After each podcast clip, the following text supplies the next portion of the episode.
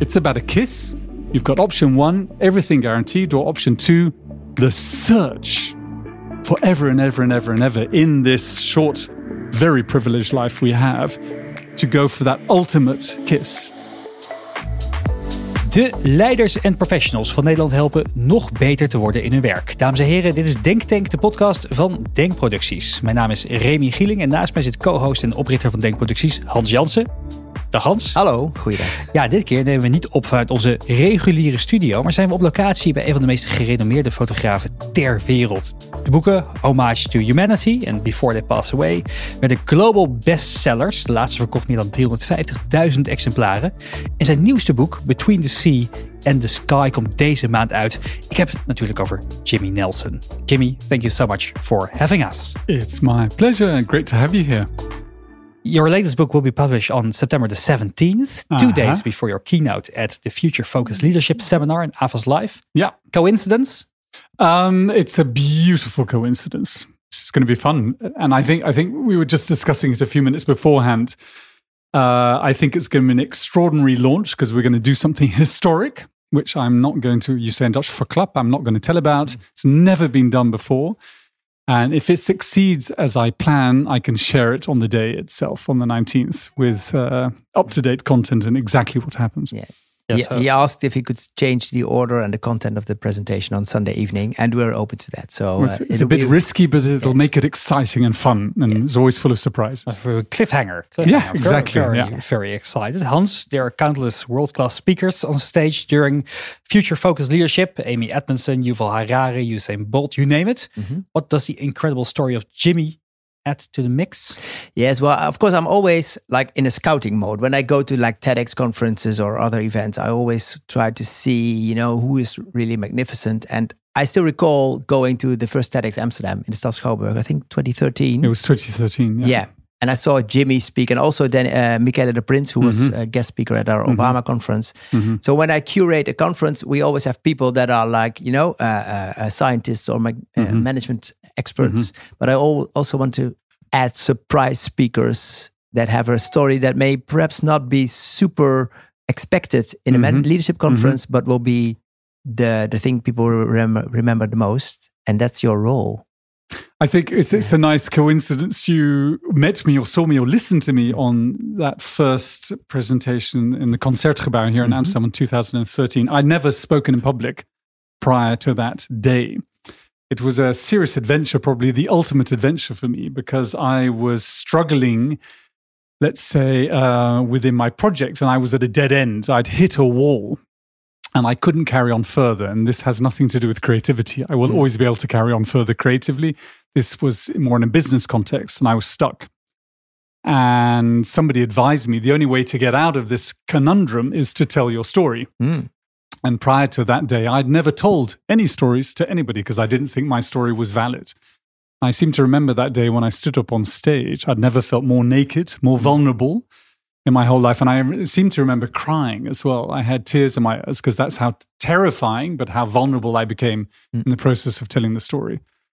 But as a result, it was the catalyst of many appointments in between and w- where we're talking about today. Yeah, and you even you even got invited to TEDx Global, right? We went down to TEDx Global. That was Yeah. phenomenal. That was in Brazil. I sort of uh, took my kids to that and uh, met a multitude of extraordinary human beings. Was very humbled by the process Mm. because then you really are standing on stage with uh, speakers pure song, but uh, thrilling, thrilling. Yeah. Yes. So I think many people know you from your previous books, Homage Mm-hmm. to Humanity and uh, Before They Pass Away, with these beautiful pictures where you Mm-hmm. traveled the world.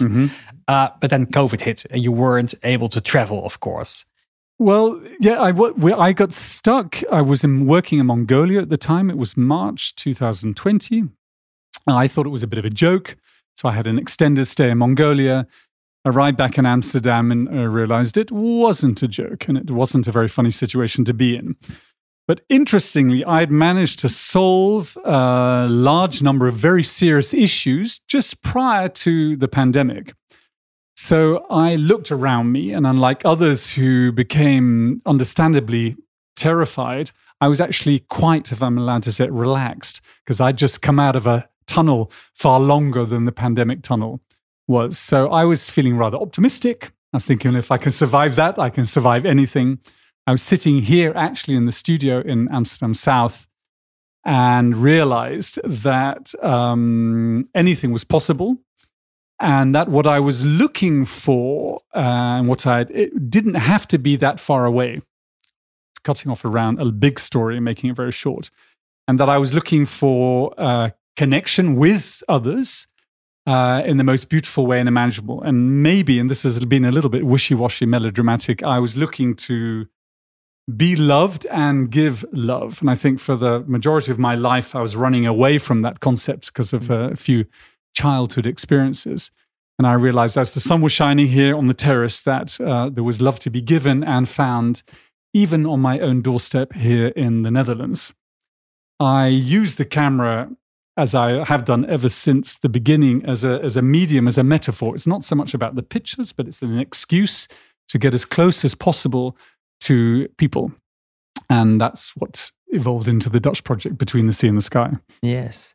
But just to take it uh, one step back, also, I mean, uh, for people who don't know your work, what you do as a photographer, you try to connect to indigenous cultures all over the planet. Mm -hmm. Some of them have, haven't even seen people from outside that tribe before. And it is your challenge to try to make the best possible picture with them it is, like, but, it, but, again, it's yeah. it's not about the picture. It's, it's about the process. Yeah. I grew up in the indigenous world as yeah. a child. My father was a geologist. At the age of seven, till the age of seventeen, I was sent to an English boarding school. Thousand boys, all male, and four hundred Catholic Jesuit priests. Mm. And as a result of that, there was some serious abuse, and that sort of destroyed an optimism, a, a childish unending horizon of how I'd been perceiving the world until that date. I essentially, using a contemporary term, went into lockdown for the better part of 10 years, dealing with what we had experienced with these priests, and realized the only way to perhaps solve it was to go back into the world to reform a new connection, ultimately with myself. Because the way I looked, I'd lost my hair, the way I felt, I'd lost my soul and my dignity. I didn't like any of it. And so I couldn't persuade myself that when I looked in the mirror, I was valid. I had to go and find other people to persuade me of that.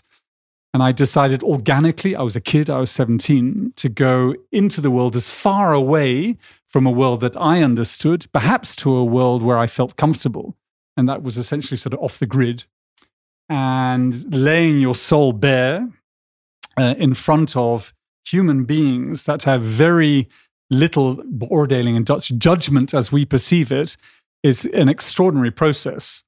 Uh, you have to go very far. You have to be willing to strip yourself down right to your bare soul. But as I had nothing to lose anymore, um, it was an, a process that managed to manifest itself into an extraordinary journey the camera is is the medium I take to to perhaps validate that journey and create, if I can or I aspire, the ultimate image, the ultimate photograph to be a mirror, to perhaps one day hang and to look at it myself and say, perhaps I can feel as proud, as beautiful, as honorable, as extraordinary as the human being I've connected with. Mm, yeah, so, so you don't see it as an assignment as a photographer, but you see it as something that, that may happen when you are connecting to these people and really trying to the journey itself yeah. is the thrill. Yeah. I'm often asked, yeah, but what what if it doesn't happen the way you want it to? It's about ingredients. It's mm. about knowing that uh, on this journey at this destination, you will come across a number of experiences. What, how, what form it will take, how it will align, you have no idea. But that's the thrill, mm. and often it's something very unexpected. Yeah. When did you find out that the camera was your medium to make that connection between not around 2013 because I was being seriously challenged for reasons I'm not going to get into now as to the validity of the pictures that I was taking. And when I stood on the stage when you first mm. saw me, I had to tell a story about how much it mattered to me. But it wasn't the taking the picture that mattered to me, it was being in, in intimate, trusting contact with other human beings. That's what mattered. And that the only way I could carry on with the project that I was working was was to share that story and explain why it mattered so much to me. So it has nothing to do with anthropology. It has nothing to do with journalism. It has nothing to do directly with photography, but I'm, I'm sort of perhaps making an art, uh, a document to express my feelings and to hope that it becomes a mirror for without being too evangelical humanity to perceive one another in a different way, to look beyond that judgment and to go further. Yeah. So you, you travel around the world, you try to connect to these cultures. Mhm. Um, I can imagine that it's it's going to be like a blank canvas. You you, you you you're on a trip and you don't know what you end up with. How, how Well, well, the, the, yeah. the, the trip is the trip is um, the, there's a very beautiful analogy, a little bit of a story. Mm. I use very large analog 10 by 8 cameras. There's one behind us, which you can't see. It's plate cameras. You put a hood over your head. Um, it's not that you're hiding, but you're using this analog sheet from On an average journey, I only have 10 sheets with me. So it's 10 moments to connect, 10 pictures. But you can't get any new ones. a journey No, a journey no. could be one and a half to anything up to two months and i was giving a talk uh, not too dissimilar to what i'll be giving on the 19th but to a group of teenagers not so long ago and they looked at me with these big uh, bored eyes at the time saying why do you make your life so difficult for yourself with this stupid old camera with the hood over your head times have moved on mr nelson and said, It's okay, you can call me Jimmy. I said, Well, how have they moved on? Well, we all now use digital. Ha ha ha. So you've got a couple of thousand teenagers laughing very cynically to this sort of middle aged man on the stage. And one of the guys held up his smartphone and waved it at to me and at the audience. And he said, With this, you can spray and pray. I said, Well, spray and pray. You just put your foot and finger on the button and it records everything. In actual fact, you can maybe even do it remotely, even perhaps with a drone. You don't have to apply yourself to it. It records everything. Have you not considered taking this technology with you on your journey? And then there was a pause, and I realized there was no way I was going to be able to explain to this audience about analog and digital. So I, I made a segue. And I said, Right, it's about a feeling, it's about an emotion. They look still looking at me a bit blank. And then I asked the kid who had his telephone in the air, and I said, what, what do you want to feel tomorrow? There must be something that really matters to you. And he looked a bit vague, and then his cheeks started to go red, and a few people started to snigger around him. And he said, "Perhaps there is something." I said, "Well, I know what I know what it is, but you've got to tell me." So he stood up. and Yeah, there's a girl I want to kiss. You know, so a couple of thousand kids burst out laughing. But we have a conversation. Everybody puts their smartphones down. Everybody's eyes go white, and everybody lights up. We're going to talk about kissing slash connection, but connection that matters to 16 year olds, not to 50 year olds using analog cameras. So I turned back to this guy and said, Right, I'm going to give you two options, two options to go on that journey for a kiss. The first option is your option, the one you know all about. It's the spray and pray option. Tomorrow, when you go onto the school square at break, everybody will be standing there waiting for you, and everybody will say yes. You don't even have to ask. You don't have to flirt. You don't have to invest. It's just one guaranteed kiss all day, all along with everybody. So, 2,000 teenagers screaming and yelling, option one, option one, option one. And so, well, there is the second version is now it's about a kiss, but it's about a kiss that's not guaranteed, I'm afraid. And it's about one kiss. But let's say, for the sake of argument, I'm going to give you the kiss. Not me personally, but you're allowed to. You'll get the one kiss, but it's just one kiss. But that kiss will last a second, maybe two. It'll last on the last second of the last minute of the last hour of the last day of the last week after about two and a half months wait. So you've got option one, everything guaranteed, or option two, one kiss, but you have to wait two and a half months for. Which do you go for? All of them screaming unanimously, option one, option one, the easy option. And then the silence, and they look at me and unexpectedly hoping that I would follow them into option one. I said, No, I'm, I'm with option two because I'm not interested in the kiss. There's a bit of a blank stare. It's not about the kiss because that's never ultimately going to happen. It's about the journey. It's about the unending seduction, the unending flirt, the failure, this discovery, the adventure, the search for ever and ever and ever and ever in this short, very privileged life we have to go for that ultimate kiss. I don't believe I will ever make the ultimate picture. I aspire to. I put everything, every form of emotion that you could ever imagine into the pot on that journey. But I now understand it will never really happen. But that's the biggest secret. I don't want it to happen because the journey then has to stop. And that's being in the flow. Yeah. And that's absolute heaven. So every journey you go on, you aspire for the definitive synthesis of aesthetics. And you get closer and you get closer and you cl- get closer, but it's not the kiss you're looking for. So the journey keeps going and going, and you get deeper and deeper and deeper into the subject. And hopefully, deeper into understanding of self. And then one day, to swing the story right back to the beginning, you dare to stand in the mirror after all these years, look at the person you see being me and saying you're okay. I accept you for you are and all your uh, scars and fallibilities and failings and a few abilities. And that's fine. And this is beautiful. And I will look after you. And for the few years that we're still given to carry on, I'll do my best to honor it. And then running parallel to it, maybe leave a little bit of a legacy to inspire other people to realign how they see themselves and ultimately others. And that's or eight and a half billion of us living on this tiny little spaceship whizzing through the galaxy. And until we redefine and re love one another, and it's a little bit evangelical, I think we have potentially serious problems. So that's sort of the journey in a nutshell over the last 54 years this journey of rediscovery of self, getting a little bit to grips with what that could mean, and perhaps trying to inspire others. Um, hmm. but you don't have to run around with an analog camera. No. no.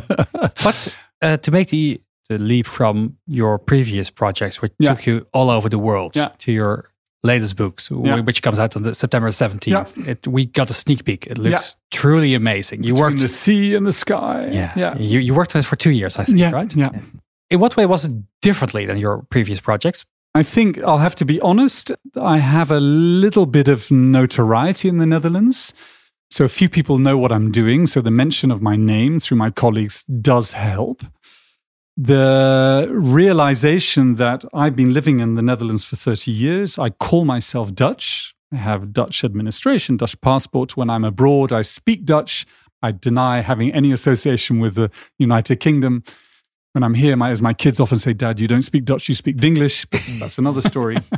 um, I realized that I had to invest probably more here than I would do on the other side of the world because there's much more judgment here. Yeah. There's much more preconceived ideas of who I am, who I'm not, and also vice versa. So the work was as hard, if not harder. It was less of a physical adventure, but more of an emotional and a psychological investment. Are- so it took two and a half years to gain the trust and the contact and the respect from these communities who many of them don't live more than 20 minutes or half an hour from Amsterdam to have the intimacy, the time, the the focus to indulge in this search for the the one kiss. Yeah. Yeah. What was the most most challenging photo? The, most book? the most challenging photo. Um, I think the most challenging photo was the disappointment that I found out only a few weeks ago in one of the villages called Marka, there was a, a, a drilling, a triplet. Mm. And they were three young, they are three young ladies who were not available when I was making the book uh, because they're terribly busy because they're 22 year olds. And then they'd heard how beautiful the book had become and they now wanted to participate in the book. So, too late to be in the book, but I did go and spend the day with them taking their photograph. And I think the, the most challenging is to the realization that you're never finished as soon as you open one door, more doors open, and you have to sort of draw a line underneath it, but it's ever evolving and ever ending. And then the thrill is on the 17th is that we're going to be having, if it all goes to plan, more than 700 participants who are in the book dressed in traditional dress coming to Amsterdam, standing formally in front of the Rijksmuseum, the National Museum, and we'll be making a, a sort of a stats photo of them there and giving each one of them individually a copy of the book. Yeah. Yeah. Because you're gonna have you have in this new book you have people in like Dutch klederdracht. Yeah. What's the English word? Uh, traditional clothing. Yes. Yeah. yeah. So you you traveled all around the country, uh, visiting people, mm-hmm. wearing those clothes, hearing their stories. Yeah. Did you see one country, or did you see how many how many variations and colors did you? There are 20 Fine. chapters, mm-hmm. so each one is more varied than the other. Uh, many of the local communities have actually local languages and local dialects. I'd say 50% of the communities are regularly wearing the klederdracht. Uh, weekly, day in some cases daily. Fifty percent of them is more ceremonial or theatrical. That's where the difference lies. The majority of the wealth in the clothing tends to be by the coast, where there was trade in the, in the past, and it's extraordinarily diverse for such a small country, which I found shocking, extraordinarily shocking, and the fact that the people I'm showing it to native Dutch are very unfamiliar with the diversity and the wealth of what it is. So it's not an, an anthropological study. I haven't counted how many buttons.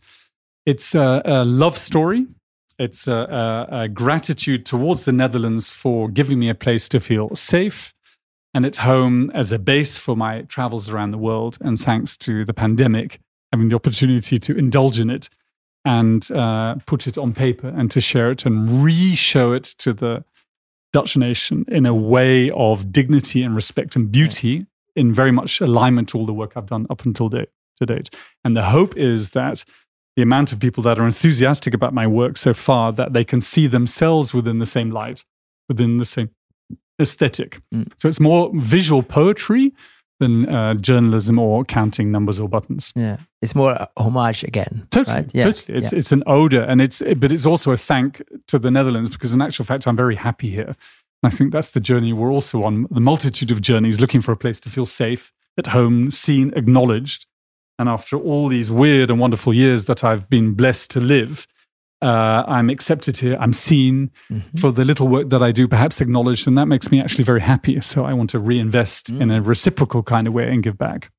Yeah. The one thing I don't think many listeners will realize right away is what mm-hmm. an enormous investment such a project is, because mm-hmm. you've been working mm-hmm. on it for two years, mm-hmm. not only yourself but with your team. Team of Some six are, to seven yeah. people, and multitude of freelancers. Yeah, of course you have to like edit all the photos. yeah, but to, the edit, that's very easy. The, the, on the naming, the business is complicated because I'm not a business person. I'm, yeah. uh, for want of a better word, an artist um, it is how do you manifest a project like this? There's no funding, there's no stichting, there's no grant.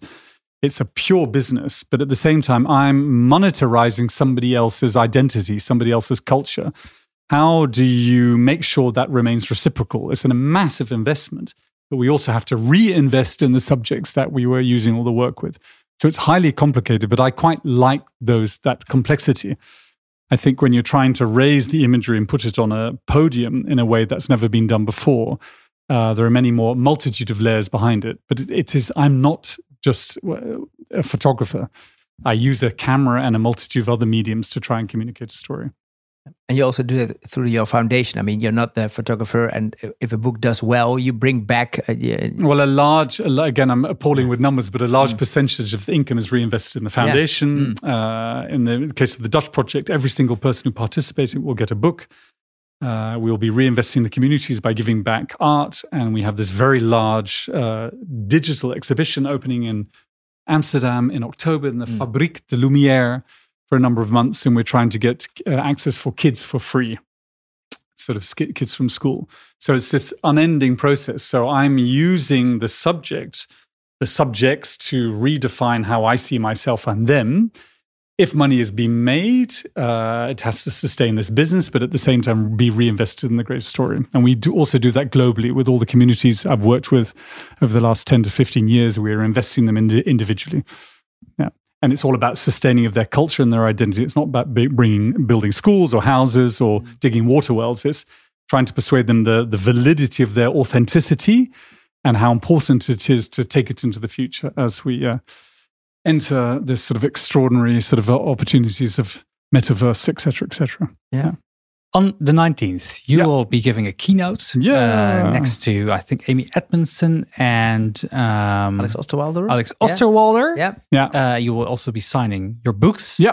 Your your most recent yeah. endeavor, but also It'll your just been books. out two days. Yeah. yeah. Still be warm. Yeah. yeah. Um, what will be the key takeaway from your talk? There are two messages. One is I'm not, for want of a better word, a traditional keynote speaker. Uh, I, I won't have any bar charts. I won't give any advice to businesses. I'm an appalling businessman. Uh, what I will invest as best as I can in those 20 minutes is the same emotion I put on the stage unintentionally uh, in 2013. Make myself as vulnerable as possible and take that audience with me for 20 minutes and show me how important that is to redefine how you understand yourself and others by connecting. And as opposed to some me standing on a stage banging on my chest saying, look at me, look how important I am, actually taking off my take myself off the stage, putting myself metaphorically in the audience and stripping myself and my soul bare mm. to show the audience that we are all the same. Yeah. That's what I will aspire to do in 20 minutes. Yes. Yeah. yeah. The reason why Jimmy is on that stage is everybody is has been talking about connective leadership. You know, mm-hmm. leaders need mm-hmm. to connect mm-hmm. to to the people who are that mm-hmm. who, who, don't have the same uh, bonding anymore than uh, mm-hmm. before Corona, and I think you are like the world champion in connecting, uh, oh, even if you did, you didn't know. But I thought this story really brings a very fresh and very uh, unexpected angle towards this very mm. common problem it, for leaders. It's extremely sweet. You say, well, champion, I'm anything but that. Mm-hmm. but by default, through experiences from childhood, I've evolved into a way of communicating or enabling myself to communicate with others. And the picture is just the end process. But you have to take the audience with you, explain how that is. It's not a trick. It's not something that just sort of happens. It's something you evolve into into that unending journey, which was that stupid or childish metaphor of the kiss on the school square uh, the realization that the the ultimate connection is unending, but you have to continually keep investing in it very, very, very deeply. And if it's just a means to an end, it's going to stop one day. And I think if you put that in a business context, if we're all just commodities, then we may as well draw under a line underneath it all now. If we love and are thrilled to be human beings, and we genuinely are, and to work and interact with others, then it can become an extraordinary, sustainable process.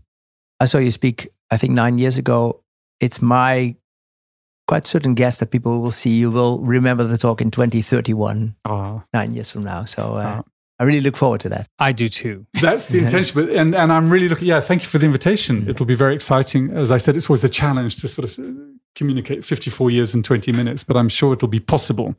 And I'm looking forward to it. Thank you. Yes. Thank you so much for having us here in yeah. your wonderful office. My pleasure. My pleasure. My pleasure. Ja, Hans, we hadden het er even over. Inderdaad, 9 september is het evenement. Er zijn nog kaarten beschikbaar. Dus wil je komen luisteren naar Jimmy, maar ook naar Deborah Nas, uh, Boyan Slat. Uh, the list goes on and on. Uh, I, I, I, think just to, to interrupt for the for the listeners, when you talk about sort of uh, extraordinary speakers, you have a list that uh, I'm extremely humbled yeah. to be part of. So I'll sort of crawl in behind and wait at the end. But um, some extraordinary people come to speak. Yes, it's going to be really great. Dankjewel voor het luisteren naar een nieuwe aflevering van Denk Tank, de podcast van Denkproducties. Wil je meer lessen van de beste sprekers en leiders uit binnen- en buitenland? Vergeet je dan niet te abonneren via je favoriete podcastplatform. Mijn naam is Remy Gieling. En ik ben Hans. Ja. ja. en heel graag tot de volgende keer.